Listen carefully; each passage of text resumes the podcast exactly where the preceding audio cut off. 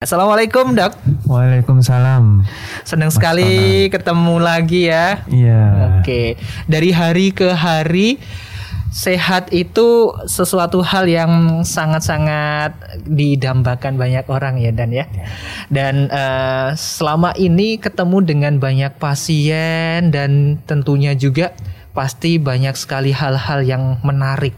Menarik dalam hal ini yang bisa dibagikan kepada monitor Dais biasanya itu eh, mereka membuat keluhan yang membuat pernahkah bikin pusing gitu?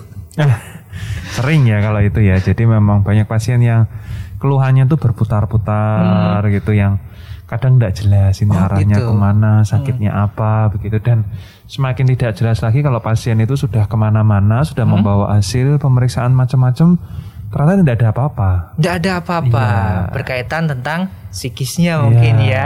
Oke, mungkin. dan pada kesempatan kali ini malam hari ini untuk monitor Dais bisa bergabung di 0821 336 ataupun di 0246746352. Kita punya pembahasan yang relate banget untuk akhir-akhir ini yaitu gangguan cemas. Oke, Iya. gangguan cemas yang di mana sebenarnya cemas itu apakah eh, mengkhawatirkan sebelum itu terjadi atau bagaimana sebenarnya Dan? Oke, Eh, jadi cemas itu sebenarnya adalah sebuah hal yang wajar ya. Jadi kadang semua orang itu pasti punya rasa cemas. Jadi cemas itu adalah mengkhawatirkan atau memikirkan sesuatu yang sebelum hal itu terjadi. Mhm. Dan eh, hal tersebut membuat rasa takut atau rasa tidak nyaman Tidak di nyaman ya. hati kita. Nah, eh kalau bicara malam ini itu kan sudah ada di depannya itu gangguan cemas. Gangguan, Artinya ini mm-mm. ada sebuah cemas yang tidak normal. Oh. Eh, dia di atas normal, dia sudah sangat mengganggu. Nah, itu apalagi di musim seperti ini ya di masa yang memang segalanya tidak pasti. Besok apakah masih bisa ketemu lagi? Besok apakah saya masih bisa nge-mall? Apakah Iya. besok saya masih bisa keluar rumah? Saya tidak pastilah. Itu eh, seperjalanannya, seperjalanannya saya praktek ini kok malah semakin banyak pasien yang mengalami gangguan cemas ini. Hmm. Faktornya kira-kira apa? Apakah karena memang pandemi ini atau ada faktor yang lain kira-kira? Jadi gangguan cemas itu kan tadi eh, yang saya bilang adalah cemas yang sudah tidak wajar. Tidak begitu. wajar Nah, ya. Gangguan cemas ini eh, faktor yang menyebabkan muncul Mm-mm. pada seseorang itu sebelumnya normal begitu. Biasanya kan orang ya eh, kalau saya berjalan di malam hari sendirian pasti ada rasa cemas Iya. gitu. Tapi saat sampai rumah sudah berkumpul keluarga, rasa cemas itu masih ada lah. Itu gangguan cemasnya muncul lah. Eh, apa yang menjadi penyebab itu adalah trauma, traumatis. Ini oke. sebagai contoh. Saat di jalan tadi dia sendirian, tahu-tahu ada orang yang membuntuti. Hmm. Dia langsung timbul rasa cemas, dia melaju motornya kencang, Mm-mm. sampai rumah si pengikut sudah pergi tapi dia di dalam rumah masih ada rasa cemas. Jangan-jangan saya masih diintai dari luar. Nah, seperti ini. Apalagi di era pandemi ini saya menemukan yang pertama penyebabnya yang banyak adalah karena banyak yang mengalami PHK.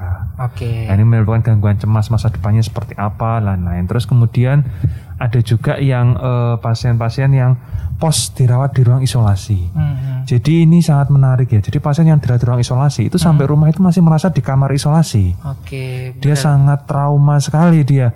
Mhm. Dia merasa, oh saya kok badannya belum enak-enak. Jangan-jangan saya ini covidnya eh, terus nih nah, belum masih sembuh-sembuh gitu. gitu. Saya merasa badan belum enak-enak. Saya masih eh, apa terasa sendirian di ruang. Jadi ini sangat traumatis. Apalagi yang covidnya cukup berat. Hmm. Kadang mereka sampai didatangi halusinasi, Iya. wah sudah dijemput malaikat lah, begini begitu. Jadi setelah sampai rumah pun bahkan kadang katanya eh, pasien ini keluar kamar aja tidak berani, Oh ya. takut nanti malaikat itu datang lagi. Iya. Jadi ada yang sampai seperti itu. Ini eh, sebenarnya sangat menyiksa ya, sangat menyiksa.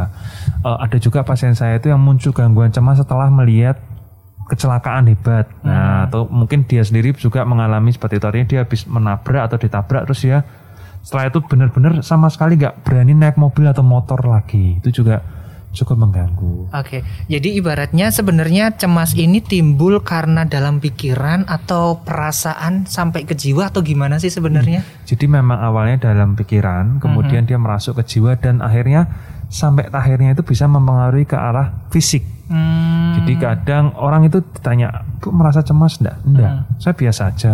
Tapi sakit ulu hatinya ini nggak sembuh-sembuh. nggak sembuh sembuh Itu udah dikasih obat lambung sampai diteropong, di macam-macam Hmm. masih ada aja lah. Ternyata setelah dikasih obat cemas Mm-mm. dan obat penenang hilang sendiri. Hmm. Begitu. dan eh, biasanya berarti di eh, ketika ti- tiap praktek dokter Dandi ini menjumpai pasti juga diajak berkolaborasi dengan dokter-dokter lain ya Iya. oke Jadi kalau saya pribadi itu kalau menyimpulkan pasien cemas, kadang kan ada yang memang dari gejala awal itu sudah kelihatan. Jadi gejala cemas itu misalnya ada kecemasan yang eh, tidak jelas. Jadi saya kok merasa takut mati terus ya dok. Nah itu berarti dia sudah gangguan cemas. Kemudian ada juga gejala yang khas itu saya tidur tidak nyenyak. Saya sering terbangun. Kemudian ada lagi gejala yang khas itu adalah eh, perasaan berdebar, perasaan takut yang terus menerus dan itu tidak berwujud. Ya rasanya cemas saja sih dok, tapi nggak tahu cemas sama apa. apa gitu ya Pokoknya saya khawatir terus lah gitu. Nah itu kalau sudah itu itu sudah pasti. Tapi kadang yang sulit itu yang tidak mengakui ketiga ini. Jadi ya, ya saya nggak apa-apa tidur nyenyak, makan enak. Cuman kok saya sudah ke dokter sini, dokter sini, dokter sini sudah diteropong kok. Uh, hatinya nggak sembuh-sembuh. Nah kalau udah seperti itu, nanti saya berarti langsung ke mikir ke arah gangguan cemas itu. berarti setiap orang itu sebenarnya bisa menganalisa dirinya sendiri cemas yang sampai gangguan itu enggak sih atau harus butuh orang lain sampai Iya. juga ini dok kadang itu bisa eh, Mas Konan jadi Iya. ceritanya itu kadang tuh pasien tuh kalau sudah eh, apa eh, dialog begitu atau wawancara cukup lama kemudian eh, ditanya ini itu ini itu loh. Kan bagus semua atau bu atau pak begitu. Iya. jangan-jangan di pikiran. Nah terus nanti pasien baru iya sih apa saya juga berpikir seperti itu. Jangan-jangan itu pikiran saya. Nah kalau sudah kayak gitu tuh baru akhirnya dia mengakui. Atau yang memang ada juga yang dari awal itu pasien apa pikiran saya dok yang membuat saya tuh jadi sakit kayak gini? Nah ada yang ba- bagus juga seperti itu. Itu tergantung derajatnya. Ada yang sampai terakhir dia malah ngomong saya tuh malah sampai disuruh ke psikiater dok sama dokter internis sana katanya saya sakit jiwa. Loh kan saya kan baik-baik aja. Ah, ada yang sampai tidak mengakui. Jadi ini tahapnya macam-macam lah. Penanganannya itu macam-macam mas Konan. Jadi kalau yang eh, mengakui ini lebih baik. Dia lebih baik dia bisa dikasih obat eh, bisa diedukasi nyaman. Apalagi kalau yang sadar lah. Tapi kalau yang sampai terakhir dia denial menolak sama sekali gitu-gitu ya akhirnya kita secara tidak langsung itu memberikan obat tapi tidak eh, langsung the point wah ini ibu tuh cemas ini harus dikasih obat itu enggak bu ini dikasih obat ini biar lebih nyaman gitu akhirnya ya kita men- menselubungkan maksud tujuan kita. tujuannya Lah biasanya setelah itu saat kontrol berikutnya, oh enak kok dok gini-gini. Oh, Hmm. bu padahal kemarin saya kasihnya obat cemas loh, bukan obat lambung. Lah itu baru terus dia, oh iya sudah dok, enggak apa-apa dilanjutkan. Akhirnya begitu. Berarti eh, apa namanya kecemasan ini eh, tergantung juga kesadaran atau banyak hal dari setiap pasien itu sendiri Iya, ya. benar. Oke. Dan sebenarnya eh, obat cemas itu sendiri memang ada levelnya kah atau biasanya eh, tidak semuanya hal yang berkaitan tentang cemas itu nanti lari ke psikiater berarti bisa diobati sebelumnya dulu ya. Oke. Ya, Dan- jadi Ha-ha. eh, memang obat cemas ini ada ada derajatnya, ada yang paling ringan, Hmm. ada yang berat begitu. Jadi dan eh, efek sampingnya pun macam ada yang ngantuknya berat, Hmm. ada yang membuat ngefly, ada yang ringan-ringan aja begitulah. Hmm. Memang eh, terkendalanya itu kadang pasien itu kalau udah disebut ke psikiater tuh mesti nggak mau. Hmm, oke. Saya nggak gila, saya nggak Iya. sakit jiwa begitu. Nah ini yuk kita sama-sama saya pun juga eh, apa namanya dalam beberapa hal psikiater itu sebenarnya seperti apa sih yang bisa kita edukasikan kepada pendengar? Kalau menurut saya adalah datang ke psikiater itu seperti kayak kita datang ke orang yang ahli berkaitan tentang psikolog yang di mana kita cerita ada obat ada juga solusi. Sebenarnya yang psikiater tuh kayak apa kita boleh bahas itu dikit ya? Boleh eh, Mas Konan. Jadi psikiater memang benar. Jadi sebenarnya itu adalah sebuah momok ya kalau yang bilang itu itu adalah orang sakit jiwa yang harus ke sana tuh. Jadi memang dia itu eh, sebenarnya adalah seorang psikolog tapi dengan eh, senjata obat. Nah, kalau psikolog itu nggak bisa. Kan kalau psikolog itu kan konsultasi psikologis gitu. gitu-gitulah.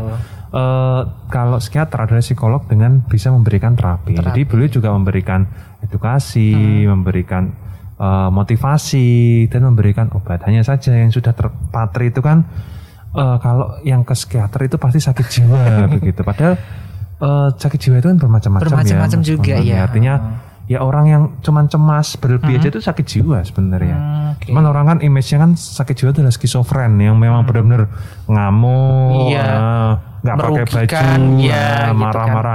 Itu kan mikir orang sakit jiwa itu padahal eh, nggak bisa tidur aja itu sebenarnya sudah sakit jiwa sebenarnya. Oke, dan begitu. image dari kata stres itu sendiri larinya mesti ke situ ya. Padahal Sering. kita banyak kegiatan kantor, stres kayak Ya. gitu. Jadi levelnya semuanya pun juga harus dipahami ya. Benar. Nah, dan apa namanya? Ada istilah juga ketika kita sakit, kita menerima dengan ikhlas itu sendiri adalah apa namanya? Eh, langkah awal ya untuk bisa sehat. Setuju juga dengan itu atau Iya. gimana? Setuju sekali ya Mas Eko. Jadi memang apa itu eh, pertama adalah positivity thinking ya. Jadi saat kita diberi sebuah eh, cobaan sakit, nah ini memang banyak sih eh, motivator baik ISQ kayak ataupun siapa pun motivator itu adalah selalu bersyukur malah. Bersyukur ya. Jadi bukan aduh, bukan ya apa eh, ibaratnya tuh eh, mencaci maki Mencaci atau apa maki, jangan, ha. tapi malah bersyukur. Jadi Hmm. dan kita bersyukur, kemudian kita selalu optimistis bahwa kita sembuh Mm-mm. dan kita bisa sehat lagi itu adalah sebuah obat awal. gitu. Obat awal ya, Nanti oke. seiring waktu seringnya pengalaman saya sih Pak, eh, Mas Konan. Jadi Hmm. saat pasien itu positivity tinggi di depan, itu terus delala itu eh, obatnya dan jalannya itu selalu ada. Begitu. Tapi kalau dia sudah negativisme dulu, jadi sudah wah begini enggak, begini enggak lah. Terus ini kok terus munculnya gejalanya itu enggak enggak segera membaik begitu. Oke, dan untuk indikasi ketika kita bisa melewati masa-masa yang di mana kita cemas dan ketakutan hingga eh, kita trauma dan sebagainya, indikasinya apa sih sebenarnya? Apakah kita eh, bisa melewatinya, bisa melawannya, atau yang seperti apa sebenarnya? Oke, kalau indikasi bahwa kita sudah eh, mencapai ke kesembuhan mungkin ya, kesembuhan atau melewati masa-masa itu adalah saat kita memang merasa diri kita optimal. Artinya optimal itu ya ya dulu saya nggak gini kok gitu lah. Sekarang kok saya sudah bisa seperti dulu lagi ataupun ya saya sudah menjalani hidup seperti biasa. Nah, itu sudah cukup sebagai eh, melewati masa sulit. Oke, hingga sebenarnya ada kalanya kita tidur pun sampai nggak nyenyak, mimpi yang tidak mengenakan, baik itu horor dan menakutkan, itu pun bisa menjadi indikator bahwa kita tuh cemas secara berlebihan ya Dan ya. Iya benar benar. Jadi kalau memang kadang ya sampai seperti itu dia tidur tidak nyenyak. Seringnya itu fasenya adalah sulit memulai tidur. Sulit memulai tidur ya. Dan nanti eh, saat tidur mudah terbangun. Nah itu yang seringnya gejala Iya, cemas. kalau saya memang kalau urusan tidur gampang, alhamdulillah ya karena sudah dari lama memposisikan bahwa tidur adalah istirahat dan waktunya untuk recovery Iya. gitu. Nah, bagaimana nih kalau dari dokter Dani sendiri ada tips nggak? Pasti juga dari monitor Dais, saya tuh susah untuk tidur, padahal saya sepertinya kan gitu kan, Iya. merasanya baik-baik saja, nggak ada masalah, tapi seperti yang tadi dokter Dani sebutkan, tidurnya mulai susah, bangunnya cepat, mimpi buruk. Nah, gimana ada tipsnya tuh? Oke, jadi eh, benar jadi yang disampaikan oleh eh, Mas Konan tadi bahwa tidur itu recovery. Jadi saya menemukan bahwa pasien-pasien yang rata-rata gangguan tidur Mm-mm. itu pasti ada yang tidak normal di tubuhnya. Sebagai contoh tensi jadi naik, kolesterol tinggi, kemudian eh, tadi itu gangguan cemas muncul, kemudian mudah lelah, badan nyeri semua seperti itu. Dan akhirnya dia timbul gejala-gejala bahkan bisa ada yang halusinasi, ada yang depresi begitulah. Tidur ini sangat penting. Dia kunci di mana saat kita mencapai fase tidur yang nyenyak Mm-mm. atau gelombang beta, delta itu kita bisa bangun di pagi harinya dengan fresh. Fresh ya. Terus apa kuncinya? Gitu Iya. lah. Kuncinya memang yang pertama itu ada beberapa tips agar bisa tidur nyaman. Yang pertama itu adalah sebaiknya tidur itu lampu digelapkan. Oke. Yang kedua, jangan jadikan kamar itu tempat bekerja. Jadi Hmm. jangan dipasang sebisa mungkin ya, jangan dipasang meja belajar, jangan dipasang TV, jangan dipasang pokoknya untuk bekerja lah. Untuk bekerja, Nah, itu ya. memang kamar-kamar aja. Kalau kita bekerja di luar, Mm-mm. belajar di luar, nonton TV di luar. Hmm, Oke. Saat kita di kamar itu kita akan mindsetnya tidur. Mhm. Nah, tadi kalau kita bekerja dan belajar di kamar itu akan jadi eh, otak kita akan bingung ini saya waktunya tidur apa bekerja akhirnya kita Oh, jadi iya, terus iya. seringnya tidurnya nggak nyaman. Nggak nyaman ya. Yang kedua, yang ketiga itu memang eh, alangkah baiknya kalau memang kita tidur di malam hari itu kita siang harinya jangan tidur terlalu lama. Jadi Hmm. kita bisa tidurnya nyenyak. Kalau kita siang hari banyak tidur, pasti malamnya akan tidak nyaman tidurnya. Hmm. Yang keempat adalah eh, sebaiknya tidur di malam hari itu dimulai di jam yang tepat. Jadi karena kita punya jam tidur itu memang rata-rata jam 9, jam 10. Saat kita sudah melewati itu jam 11 itu Hmm. masih sulit masuk ke tidur. Apalagi kalau sudah terbiasa tidurnya di atas jam 10. Hmm. Dan terbaik itu memang tidur itu jam 9 menurut jam tubuh manusia. Kemudian bangun lagi jam 3, jam 4 lagi saat subuh dan saat tahajud itu. Itu yang memang paling ideal. Gitu. Ya ini sebagai eh, nggak perlu ibaratnya eh, gimana nih tanggapan tentang obat tidur padahal itu tidak dibutuhkan. Dan kadang eh, saya pun melihat bahwa itu mohon maaf seperti kayak memaksa tubuh kita untuk ayo istirahat gitu padahal tidak dalam eh, masa pengobatan dan lain sebagainya. Gimana tanggapannya? Jadi kadang ada yang orang yang memang seperti itu ya dia tuh wah pokoknya aku tuh kadang sudah tersugesti harus obat tidur nih kalau nggak tidur gini pokoknya biar enak gitu lah. Itu sebenarnya tidak tepat karena eh, kadang obat tidur itu kan ada efek psikotropik memang yang membuat nyaman tidurnya bisa seperti relax gitu tapi dia ada efek ketergantungan. Nah itu memang sebaiknya tidak boleh dipakai dalam jangka waktu lama. Kemudian yang kedua eh, sebenarnya kita bisa dengan cara memotivasi diri sendiri untuk tidur. Jadi kita bisa menggunakan sugesti saat pejamkan mata kita mensugesti agar kita tidur nyenyak, semakin nyenyak, kita membuang semua pikiran. Jadi kita melatih mensugesti diri kita untuk tidur nyenyak. Jadi obat itu adalah jalan terakhir. Kadang kadang itu eh, saya mem- memberikan obat tidur itu kalau memang yang pertama pasien itu tadi sudah benar-benar gangguannya berat. Berat ya. Yang kedua juga dia mungkin apa ya edukasinya kurang baik. Jadi kadang itu ya disugesti gini-gini ini susah, Susah, gitu loh. ya. Jadi ya ya sudahlah kita berikan obat tidur. Oke. gitu. Eh, sedikit hal yang namanya sugesti yang bisa ditanamkan kepada diri sendiri biasanya apa yang dokter Deni sampaikan kepada eh, pasien yang mempunyai eh, kesulitan dalam tidur itu Oke, yang pertama itu eh, pertama adalah sugesti yang positif dulu. Jadi adalah tidur itu penting. Tidur itu membuat sehat, nyaman begitu. Kemudian yang kedua adalah eh, saat sudah memejamkan mata kita harus mensugesti diri agar tidur. Hmm. Tidur yang nyenyak, yang dalam, yang nyaman, semakin nyaman begitu. Dan bicara tentang sugesti ini tidak hanya sugesti tidur, bahkan mengobati ansietas ini juga perlu sugesti. Jadi Oke.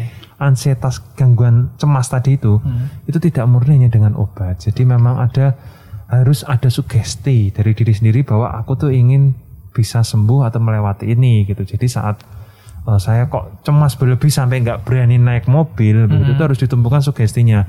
Aku harus kenapa sih kok aku tuh harus bisa naik mobil lagi? Ah ini harus tumbuh. Kalau enggak, eh buat apa aku juga nggak naik mobil juga nggak apa-apa kok. Ah berarti ada motivasi dalam diri ya Ya, itu penting Oke. untuk sehat. Terus aku harus bisa mengatasi cemasku ini nih pentingannya apa? Oke, dan motivasi-motivasi lain yang berkaitan kalau nanti bisa bangun pagi atau mungkin bangun tahajud, aku bisa beribadah dan sebagainya gitu yang positif-positif pokoknya ini ya bisa kita lakukan ya. Ya, Nah, benar.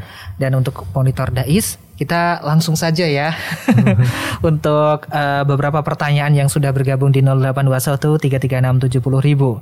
Dok, ada tipikal orang yang menganggap rasa cemas atau khawatir berlebihan itu termasuk sesuatu yang biasa dihadapi, walaupun memang mengganggu konsentrasi serta produktivitas. Apakah ada hal yang tidak disadari oleh penderitanya? Berarti dia ngerasa ah ini udah biasa cemas kayak gitu. Nah, gimana tuh? Ya, jadi begini, oke. Eh, orang itu ada dua tipe ya. Memang yang pertama tentang gangguan cemas kembali. Ada yang orang yang sama sekali tidak punya rasa cemas atau minimal sekali. Itu ada contoh. Misalnya dia bangun terlambat, Iya. berangkat ke sekolah tuh terlambat aja nggak Iya. cemas. Oh biasa aja, gitu. ah. Ada malam-malam jalan sendirian juga nggak ada rasa cemas. Rasa cemas. Jadi seolah-olah dia itu hidup itu tidak ada khawatiran. Jadi cemas ini sebenarnya kita manusia itu diberi rasa cemas. Kita manusia diberi cemas itu sebagai seperti alarm. Alarm ya, oke. Jadi oh ini bahaya. Jadi kamu harus eh, berhati-hati. Nah, ini kamu ini salah. Berarti kamu harus lebih baik Lebih begitu. baik, oh. Kalau orang yang tidak punya rasa cemas, ini malah ya juga akhirnya tidak punya alarm. Dia menjadi menyepelekan segala hal. Nah, tapi kalau yang punya rasa cemas berlebih dan walaupun ini dia bisa atasi ya, maksudnya, cuman ini pasti ada dampak negatif. Sebagai contoh ya, dia cenderungnya itu mudah marah. Oke. Jadi wah, nah surga tapi ini aku biasa kok. aku sudah biasa menghadapi. Nanti ini dilihat, dia pasti yang pertama itu seringnya nanti langsung mudah marah. Yang kedua itu eh, cenderungnya itu ada penyakit-penyakit fisik yang muncul, entahkah hipertensi ataukah jantung atau apa karena eh, dia dari derajat sampai 10, 1 sampai 10. Kalau orang yang tadi tidak punya rasa cemas sama sekali itu derajatnya 0, ini tadi orang derajatnya 9. Sembilan. Ya. Akhirnya dia alarmnya terlalu kenceng. Hmm. Ini juga akhirnya kalau alarm terlalu kenceng kan akhirnya kan tubuh yang nggak bisa mengkompensasi. Yang terbaik itu di angka 5. Jadi Oh, oke. kalau orang yang punya rasa cemas yang berlebih walaupun dia sudah biasa, alangkah Hmm. baiknya bila tetap diberi anti cemas. Toh anti cemas ini juga efek sampingnya sangat minimal.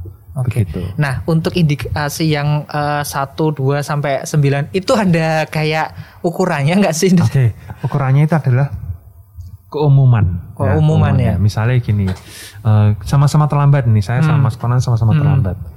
Eh, Mas Konan, waduh aku takuti atau lambat gitu. Mm-mm. Itu wajar. Aku sama aku juga merasakan hal yang sama kok. Mm-mm. Tapi kalau "Duh, aku takut banget nih, aku sampai Oh, badanku menggigil oh, nih. Nah, gitu ya. iya.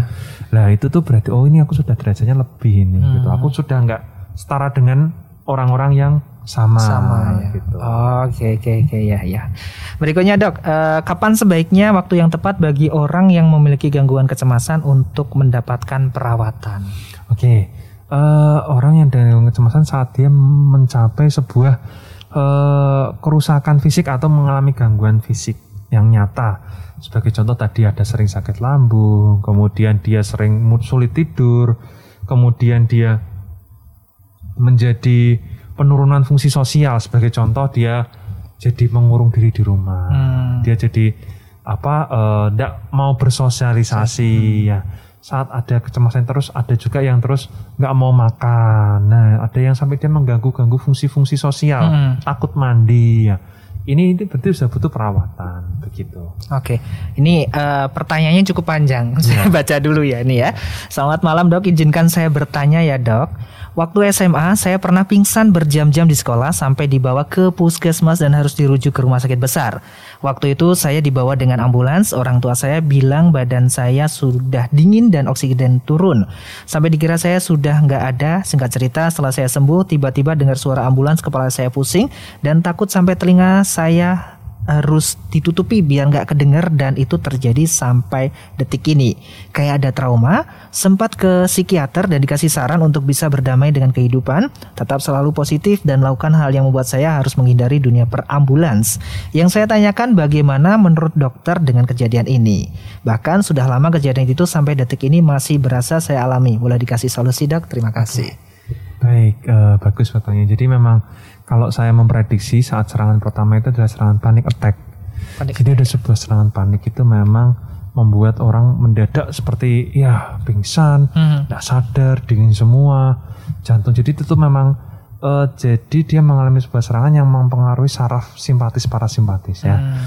itu memang benar-benar kalau tidak ditangani dengan baik itu bisa sampai meninggal Hmm. dan akhirnya tadi menimbulkan trauma yang cukup mendalam Iya. ya dia ambulan dan lain-lain nah eh, ini sih ada beberapa saran ya kalau ini kan memang personal kok tadi saya lihat ininya yang pertama memang adalah sebaiknya Hmm. menjalani hipnoterapi Hipnoterapi. Uh, jadi benar-benar harus direset, dibuang perambulanan dan diganti yang baru. Jadi seolah-olah kayak dengar ambulan tuh kayak dengar musiknya ya begitu lah, Iya. dengar musik yang rileks gitu. Jadi di asosiasinya dibalik. Saat dia dengar ambulan, dia seolah-olah sedang kejadian pingsan itu tuh terulang. Hmm. Nah itu harus dirubah asosiasinya dengan tadi apa itu eh, diasosiasi ulang dengan hipnoterapi begitu. Yang kedua adalah tetap dibantu dengan obat-obatan yaitu obat untuk penghilang cemas, penghilang fobia dan jangka waktunya lama. Jadi pengobatan cemas ini tidak tiga hari, Iya. tidak satu minggu, Panjang ya. minimal itu enam bulan Hmm. gitulah. Kalau saya dijalani insya Allah sih bisa kok. Artinya eh, tidak tidak berarti wah saya berarti selamanya itu akan selalu trauma dengan enam bulan begitu tidak. Jadi eh, ada orang yang bisa bisa penyakit-penyakit itu tuh ada yang bisa tetap diatasi. Oke. gitu. Nah, pertanyaan berikutnya hipnoterapi itu tuh eh, kita datang ke dokter spesialis kejiwaan atau yang bagaimana tuh? Oke, jadi hipnoterapis itu ada beberapa. Ada dokter ahli kejiwaan yang bisa melakukan, ada juga yang memang rata-rata sih bisa sih Mas Konan. Hanya saja eh, kadang waktunya yang tidak cukup karena hipnoterapi itu paling tidak minimal satu jam. Oke. minimal satu jam sampai dua jam lah. Eh, banyak sih layanan hipnoterapis yang memang dilakukan oleh seorang yang punya sertifikat. Jadi dia seorang seringnya motivator trainer yang punya sertifikasi hipnoterapi lah. Itu eh, bisa dilakukan dengan jangka waktu satu dua jam dan memang ini tergantung dari suge, sugestivitas kita. Jadi ada orang yang mudah sekali dengan sugesti yang eh, hipnoterapis yang sama memberikan dampak yang berbeda. Berbeda. begitu. Oke.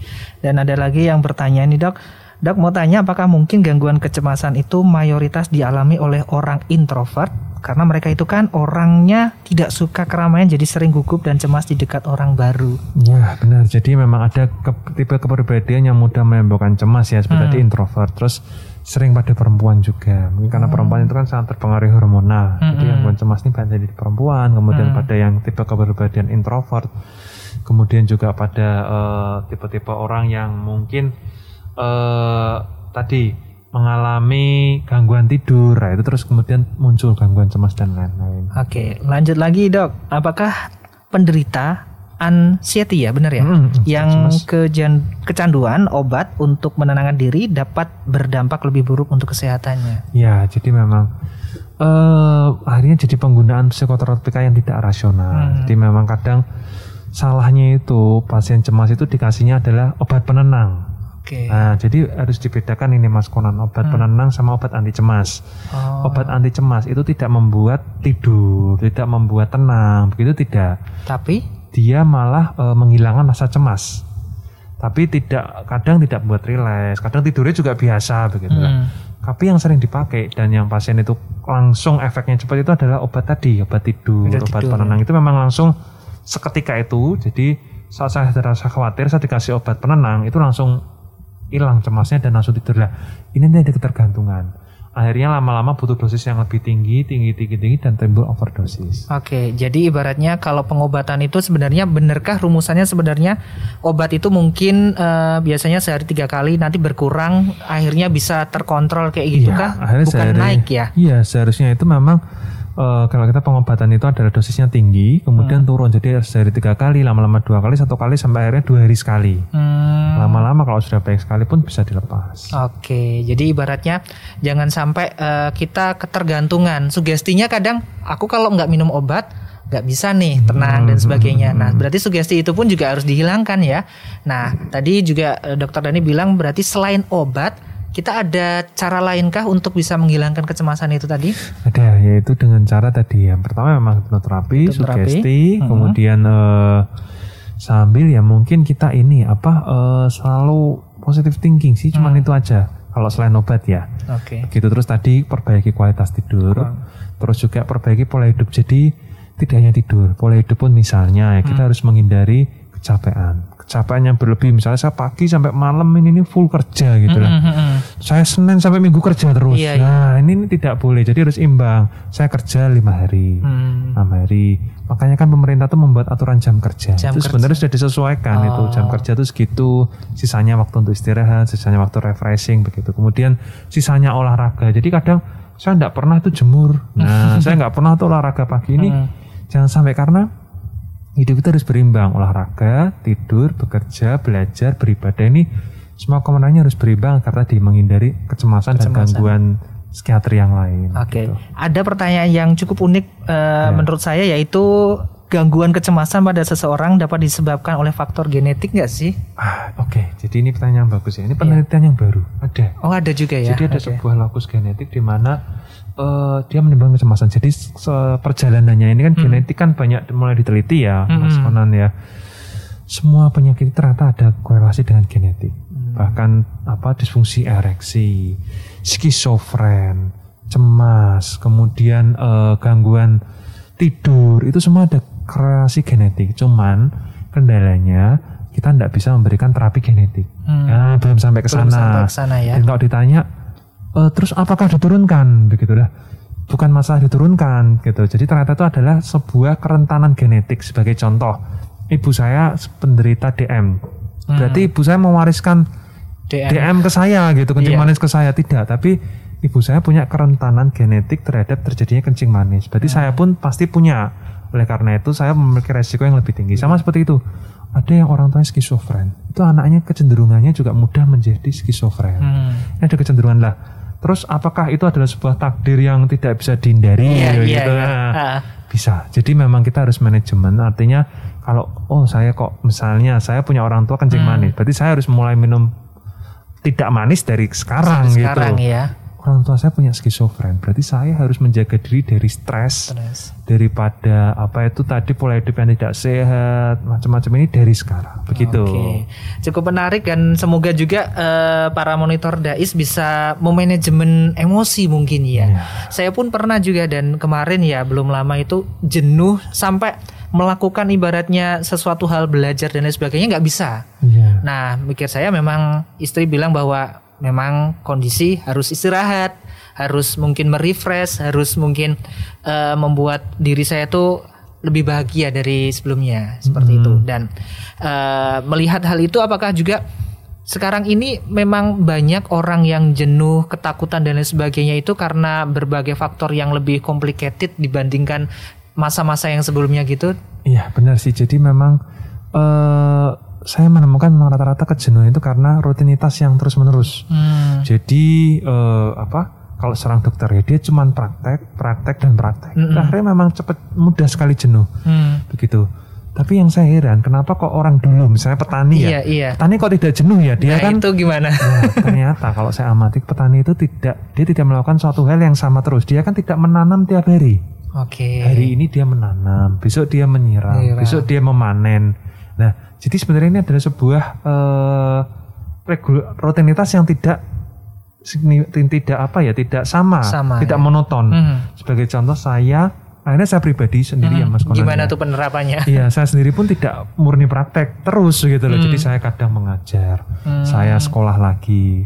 Satu satu sisi saya mengikuti simposium atau belajar, kemudian mengisi radio seperti ini termasuk refreshing juga saya. Jadi biar nggak jenuh apa eh, ketemu pasien terus Iya. ya makanya sekali-kali mengisi di radio kemudian sekali-kali jalan-jalan bersama keluarga begitu jadi memang rutinitas yang monoton misalnya Hmm. kok kita sebagai pegawai itu kok tiap hari kok ngerjain tugasnya itu, Itu aja terus itu aja ya. depan komputer ya itu Ah. aja itu pasti jenuh dan akhirnya timbul berbagai kelainan nah sebaiknya itu memang kalau di aturan kantor-kantor yang sehat itu harusnya Hmm. adanya ada rolling Apa itu? rolling itu artinya dia tidak terus menerus Oh, di meja yang meja sama. sama gitu. At least itu dia ditukar. Nah di sana mejanya, pekerjaannya ditukar sama temennya. Temennya, Nah, gitu. Itu aja itu sudah sangat eh, refresh begitu. Oke, banyak sekali yang bisa kita ambil ini untuk eh, apa namanya kita menjalani hidup Ya. dan eh, menganalisa juga untuk diri kita sendiri supaya bisa meminimalisir kalaupun kita mungkin lagi ada gangguan kecemasan bisa segera diatasi hingga nantinya kita bisa terkontrol. Dan kita sudah di penghujung acara nih dan apa nih rekap untuk Maditar Dais supaya kita semuanya bisa terjaga dari gangguan cemas ini. Oke. Eh, pada prinsipnya menurut saya yang paling penting itu ya Mas Konan ya. Dalam hidup kita kita tidak boleh menyia-nyiakan hidup kita untuk sebuah kecemasan. Hmm. Dengan kecemasan itu eh, menghilangkan kenikmatan hidup, menghilangkan kesenangan hidup. Lah eh, dalam hidup yang kita yang hanya sekali ini kita nikmati, buang kecemasan itu dan eh, kita enjoy untuk hidup di dunia sebagai khalifah Allah untuk beribadah kepada Allah. Jangan sampai kita hidup ini hanya memikirkan diri kita sendiri dengan kecemasan itu. Oke, terima kasih untuk waktunya ya, Oke. Dokter Dani dan semoga juga tetap sehat, tetap bahagia ya. Oke, siap. Kita tunggu nanti kunjungan berikutnya mungkin Oke, kalau ada jadwal insya selanjutnya. Allah, insya Allah. Sampai jumpa di kesempatan lain lebih berbahagia. Wallahualam Wassalamualaikum warahmatullahi wabarakatuh. Waalaikumsalam.